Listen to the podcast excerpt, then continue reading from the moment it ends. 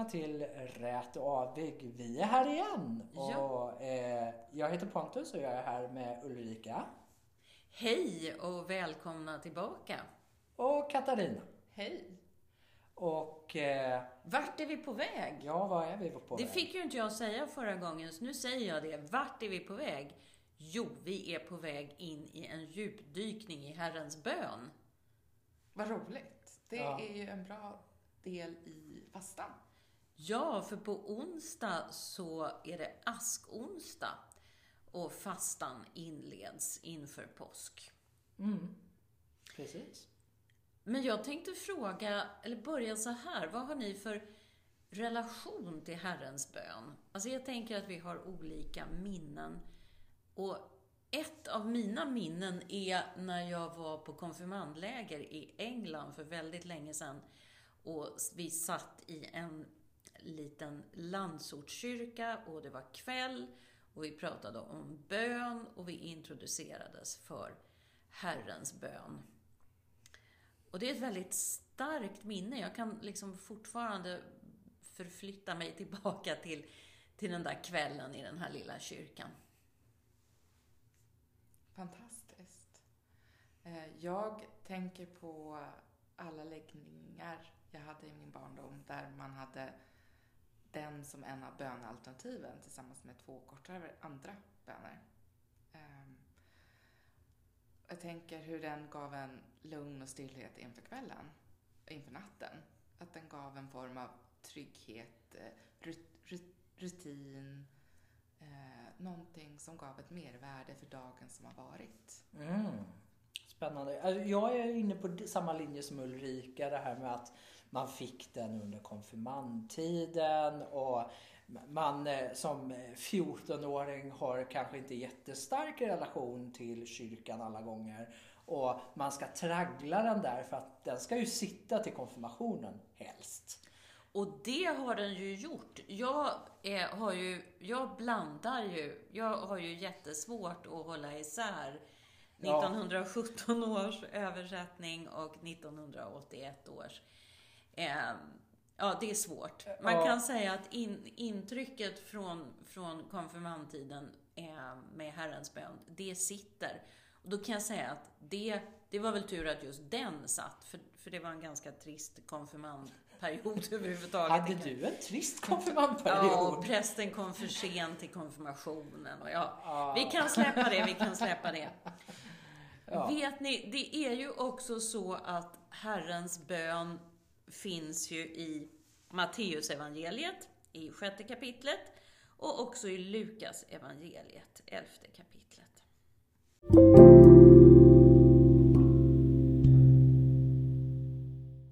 Ja, i Didache, de tolv apostlarnas lära från ungefär hundratalet, så i de tolv apostlarnas lära så, så finns avsnitt som handlar om gudstjänsten och föreskrifter om gudstjänsten. Och där nämns också Fader vår som en del av gudstjänsten. Och den nämns också i första Clemensbrevet från 90-talet och det så kallade Pliniusbrevet från också 100-talet. Och under 300-talet så, så finns en fullständig mässliturgi bevarad och där ingår vår Fader som en del av gudstjänsten. Ja, alltså nu har vi ju pratat om det här lite. Nu har vi fått en liten tillbakablick i det historiska här och eh, nu tänkte vi bara, vad, vad, vad känner ni för det här? Vad, vad, vad känner ni om den här bönen? Jag tycker att det är en fantastisk bön som är både min bön och alla andras. Det är både en individuell och en kollektiv bön och jag kan vila i att den bes hela tiden i hela kristenheten på olika platser. Och snubblar jag på något ord så är jag buren av andra böner. Och då när du säger det så hamnar jag tillbaka i kyrkobänken när man talar olika språk. Och alla ber den på sitt språk. Ja. Och vi ber, ber den tillsammans i rätt ordföljd. Mm. Ja. Och det är något så här fantastiskt i det tillfället. Mm. Där man är trygg i sitt eget språk och jag får lov att be den på mitt eget språk. Mm. Ja, alltså jag, jag tänker, jag, jag har lite problematik med att säga att den är jätteindividuell, för jag tycker inte den är det. Jag tycker den är väldigt, det är en kollektiv bön. Mm. Du tragglar den från när du lär, läser din konfirmationstid eller tidigare om, som Katarina här då från nattningarna. Eh, men jag, för jag tänker, den blir inte personlig. Utan den är, som du, som du har sagt någon gång, den är dogmatisk. Eh, och för att den är inte som vi pratade förra gången om vår personliga relation till bön. Att det är inte är en fri bön som du ber om en specifik sak. Utan det är en kollektiv bön som man ber eh, i grupp oftast. Jag kan väldigt sällan påminna mig själv att jag sitter och ber den själv. Ja, både, alltså så här, jag, jag, tycker nog ibland när jag, inte har, när jag inte har ord för fri bön, eller alltså att formulera sig, kan ju ibland vara svårt. Och då tycker jag att Fader vår, eller Vår Fader, är, är fantastisk. Jag kan vila i den. Lite som den här bönen du tog upp. Eh, Gud, du vet vad jag, vad jag menar. Vad jag menar. Eh, för mig är det här samma, det, det, är någon slags riktning i den här bönen som gör att jag kan vila i den och att Gud eh, bär mig i den. Ja, och jag tänker också det här att den är precis överallt i hela världen. Någon gång, hela tiden. Och då tänker jag att jag kan göra det också, inte bara för min skull, utan göra det för allas skull. Jag ber den tillsammans, även om jag är ensam ibland. Men jag tänker att det också finns, om, om vi nu ska liksom djupdyka i den, så tänker jag att, att det finns saker som kan vara lite problematiska. Alltså Fader vår som är i himmelen, eller i den ekumeniska versionen från 98, Vår Fader du som är i himmelen. Vad tänker ni om det? Det är ju en, en gudsbild av en farbror på ett moln, eller hur tänker ni? Ja, det, det, det, jag håller med. Alltså, den, är, den ger ju en väldigt specifik bild av Gud som en patriarkal förebild, tänker jag. I form av fader. Oj, nu såg du bekymrad ut. Ja, men, men jag hamnar tillbaka på gymnasiet där helt plötsligt hos, med treenigheten med andra ord. För jag tänker också att det kan vara en riktning i ordet eh, mot Gud. Eh, för mig personligen kan ordet Gud vara lättare att härbärgera. Nu tänker jag att det här är en ekumenisk översättning och jag mm. får vila i det. Och en liten trygghet. Mm. mm. Att den är... Det Men när är du... ord man använder till en förälder, någon care, caregiver. Ja men caregiver, jag menar det finns ju människor som faktiskt inte har goda relationer till sina föräldrar. Eh, så att caregiver är väl en, en bra ingång till, om man nu djupdyker i just det här Fader vår, eller Vår Fader. För jag tänker att det Jesus menar när han ber den bönen, är ju att det är en exempel, ett, ett exempel på hur man kan be och att det här med riktning handlar om en eh, nära relation, en nära gudsrelation. Mm. Och det att, ger den. Det tänker jag att det ger den här. Mm. Ja, och då tänker du ibland caregiver och inte fader, eller? Jag tänker Gud. Du tänker Gud. Gud. För det tänker, tänker jag du... att alla har inte som sagt en god fadersgestalt och tänker att innesluta alla så tänker jag Gud kan vara lättare. Ja, men jag är faktiskt med där, för jag, jag tänker också Gud, för jag tänker Gud som könslös i den aspekten. Eh, jag tänker inte att det behöver vara något maskulint eller feminint utan jag tänker att det är. Det är, det är det som Gud säger i Moseböckerna, jag är. Mm. Det är inte, där är det inte specificerat. Men Pontus, du sa ju att Gud är. Gud säger jag är. Hur tänker du då kring helgat vare ditt namn? Men alltså jag, jag tänker att vi, vi, ska sätta in i när, när det skrevs ner i evangelierna så är det ju en judisk kontext. Och då tänker jag, då utgår de ju från lagen. Och då pratar vi ju om de tio budorden och vi pratar om, om hela den biten. Det är ju som det här, Gud säger jag är vid när Mose eh, stöter på Gud som en i form av den brinnande busken i Andra Mosebok. Du har också att Gud säger ta av dig dina skor för att du står på helig mark. Ja, men det är fint. Du tänker att det är att när vi ber den här bönen så är det också helgat vare ditt namn, eller låt ditt namn bli helgat. Det är att stå på helig mark. Ja.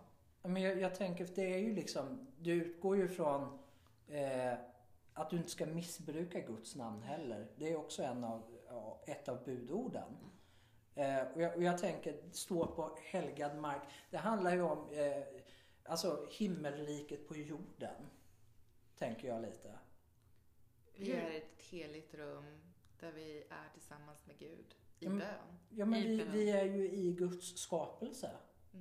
Men nu sa du också Guds rike på jorden och då tänker jag, hur tänker du som diakon kring Guds rike på jorden, Katarina? Var en väldigt enkel fråga känner jag. Jaha. I vilket avseende tänker du i min motfråga? Nej, men jag, blev, jag, men jag tänker att ibland tänker vi bön då som eh, vi har varit inne på det individu- individuella kontra det kollektiva. Eh, och att det finns andra aspekter i bönen. Vi, vi ber om, om Guds rike på jorden och vad är det? Vad finns det i det? Jag tänk, ja. Nu hamnar jag i förbönen, känner jag. Ja. Som kyrkans förbön som brukar på söndagar i samband med gudstjänst, mässa. Eh, och så hamnar jag i de heliga rum. Vi ber för varandra.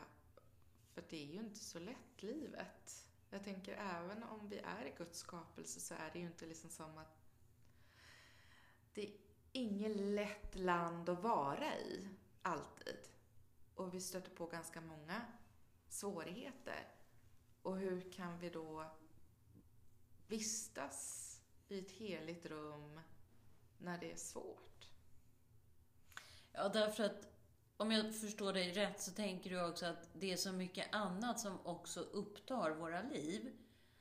Som liksom eh, pockar på vår uppmärksamhet och att allt det som på något sätt skulle kunna känneteckna Gudsriket, fred, kärlek, rättvisa, eh, inte alltid finns där och därför ber vi tillkommer ditt rike. Ja, Mm. att, att skifta fokus åt rätt riktning. Så vi inte bara är i det svåra. Mm. Det är mycket riktning. Ja, Märker men jag. jag tänker att det är en, som du sa, en riktad bön. Mm. Ja, och ske din vilja så som i himlen så och på jorden. Eller låt din vilja ske på jorden så som i himlen. Det är ju en förstärkning av det tidigare i bönen. Vilket ju för oss in på vårt dagliga bröd, eller ge oss idag det bröd vi behöver. Ja, och det, det är här jag får lite sånt här, för jag vet att vissa människor ser brödet på olika sätt. Ja, för jag tänker som diakon kan jag ju se det, ja men att man har tak över huvudet, kläder, mat på bordet. Jag har en livssituation som är dräglig. Ja, och att, men då pratar vi om liksom materiella saker. Vi pratar, eller jag uppfattar det som det, för att det, det, då är det tak över huvudet, det är eh, mat och det är ja, vatten, eh, alltså det som vi behöver. Basbehov. För, basbehov, ja. Men det, det jag vet som jag har lite svårt att ta in, det är när vissa människor tar brödet som att det ska symbolisera fred och det ska symbolisera någon form av liksom mer än det basala. För jag menar, du kan leva och ha basala behov fast du inte lever i fred. Exakt, och tillkommer ditt rike, om vi backar till den, där, där pratade vi om fred och rättvisa och kärlek och så. Och jag, jag tänker också att vårt dagliga bröd, det, det är konkret. Det, det är bröd vi pratar om i olika betydelser. Det är inte något andligt behov. Nej, utan väldigt så här vardagsnära. Mm. Ja. Och inget överlyx tänker jag heller. Det är inte att det ska regna, regna bröd från Inga, Skyn. Inga semlor då? du? eller, eller som 14-åringarna säger, var är min Snickers? Var är min Snickers? Ja, det var ju, var är min Snickers? Nej, men jag tänker att det också finns en tendens att vi ibland förandligar alltså, bönen på något sätt och inte vågar vara konkreta eller kroppsliga. Vad tänker ni? Alltså, du, menar du, du menar att vi, lever inte bönen som vi bär? Eller? Jo, men som, jo, det tror jag. Men som du var inne på, att bröd är lite, det är våra andliga behov. Det är inte mat på bordet. Ha. Så tänker jag. Och att det faktiskt är både och. Gudsriket handlar om både och. Ja, och där tänker jag att det är också viktigt att be för... Jo, men man vill ju också be i förbön för ledare, att de ska vara rättvisa, att eh, man ska minska konflikter, att man ska liksom sträva efter, i bönen, sträva efter ett fungerande samhälle. Mm. Mm. Och då tänker jag också igen, så, så på jorden. Så och på jorden. Mm. Himmelsk frid på jorden. Ja. Mm. Ja, och då kommer vi ju in på det här och förlåta oss våra skulder så som och vi förlåta dem oss skyldiga äro. Eller och förlåta oss våra skulder liksom vi har förlåtit dem som står i skuld till oss. Förlåtelse och skuld, det kräver ju nästan ett eget poddavsnitt va? ja. Mm.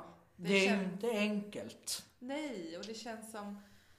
Ska jag behöva förlåta den som har gjort mig orätt? Och hur fort ska det ske för att jag ska kunna få förlåtelse för mina orätter? Och eh, eh, kan jag förlåta allt? Eller, eh, för då hamnar man ju på, ibland på individnivå, på små saker eller väldigt stora saker som är svåra. Mm. Men jag tänker det här att Gud förlåter mig.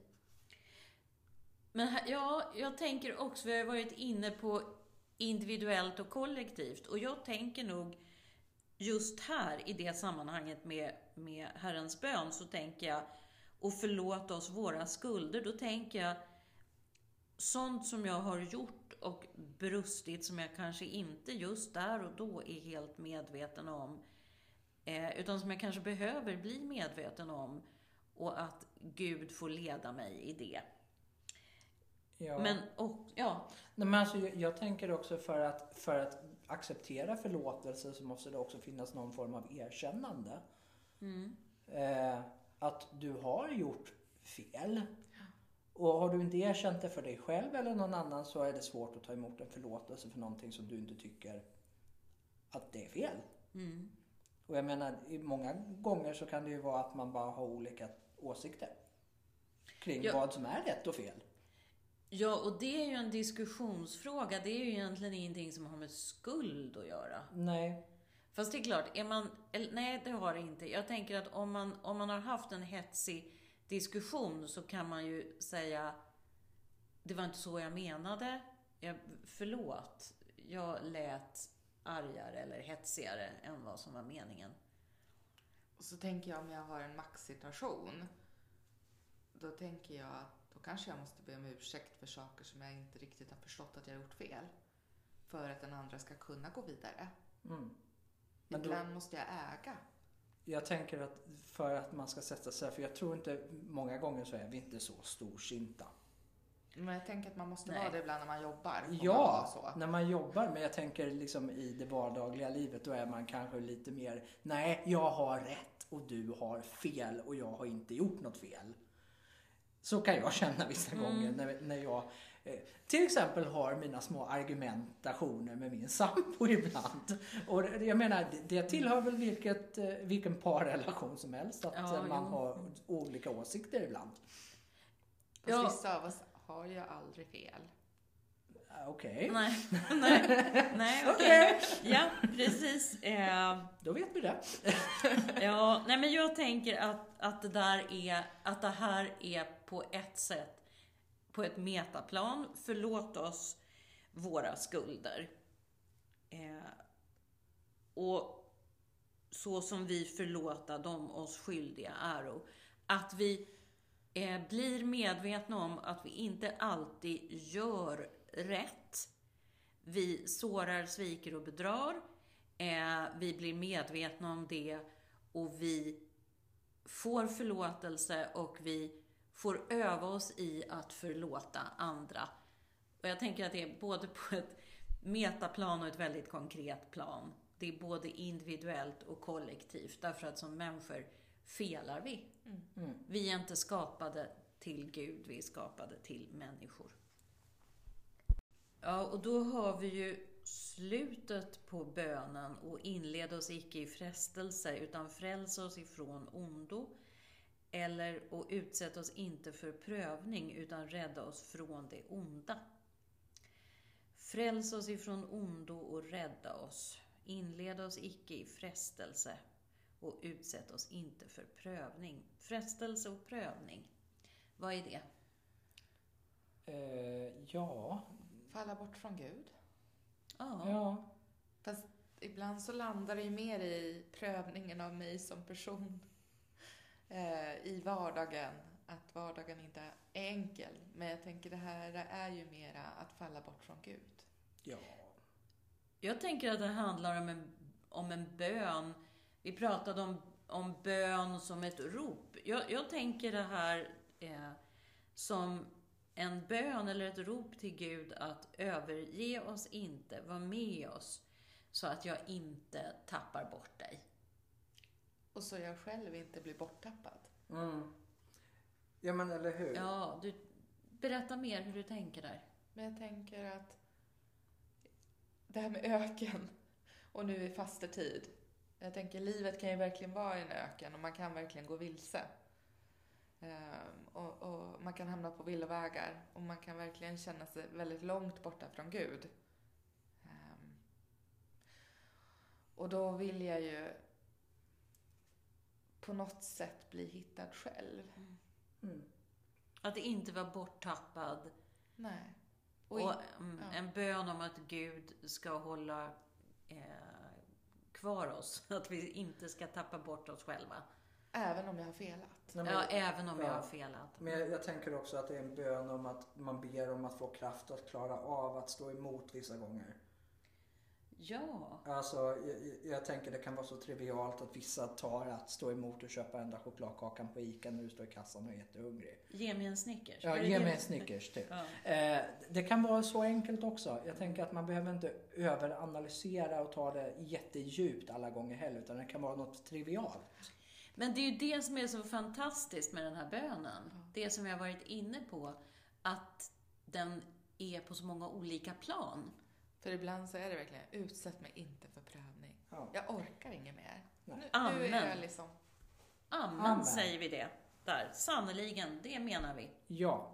Eh, och eh, då har vi ju faktiskt djupdykt lite i den här nu. Det har vi gjort och det finns definitivt ett tema som vi nog känner alla tre här att vi behöver ha ett eget poddavsnitt och det är ju skuld. Skuld och skam. Ja, Ja. det som är så lätt. Men Katarina, du pratade om, om fastan Ja, och bönen. ja men jag tänker att eh, idag är det fettisdag när vi spelar in detta.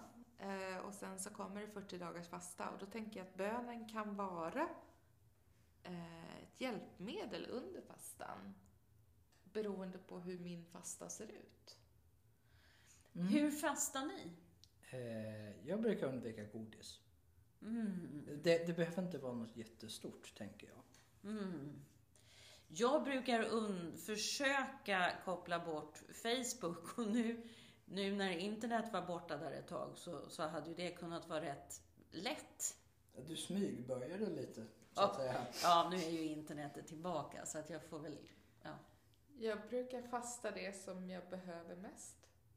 Ah, det är utmanande. Ja, specie- speciellt ett år när jag studerade och då valde jag samtidigt choklad, kaffe och nötter. Alla tre. Alla tre. Ja. Jag kan säga inte en höjdare, men Nej. det var bara 40 dagar. Mm.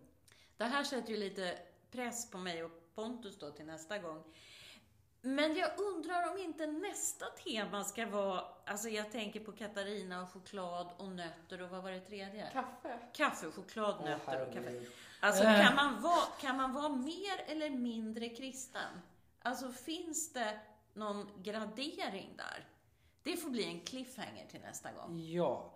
Och eh, har ni några funderingar eller åsikter om det, skriv gärna till oss så kan vi behandla mer än bara våra tre tankar kring detta. Ja, fast lite har vi fått här på, på mejlen Ja, också. men jag menar om kristen gradering och, Ja, och, och det där. Eh, Oh, du har nu nått nivå fyra. ja, Ja, level up.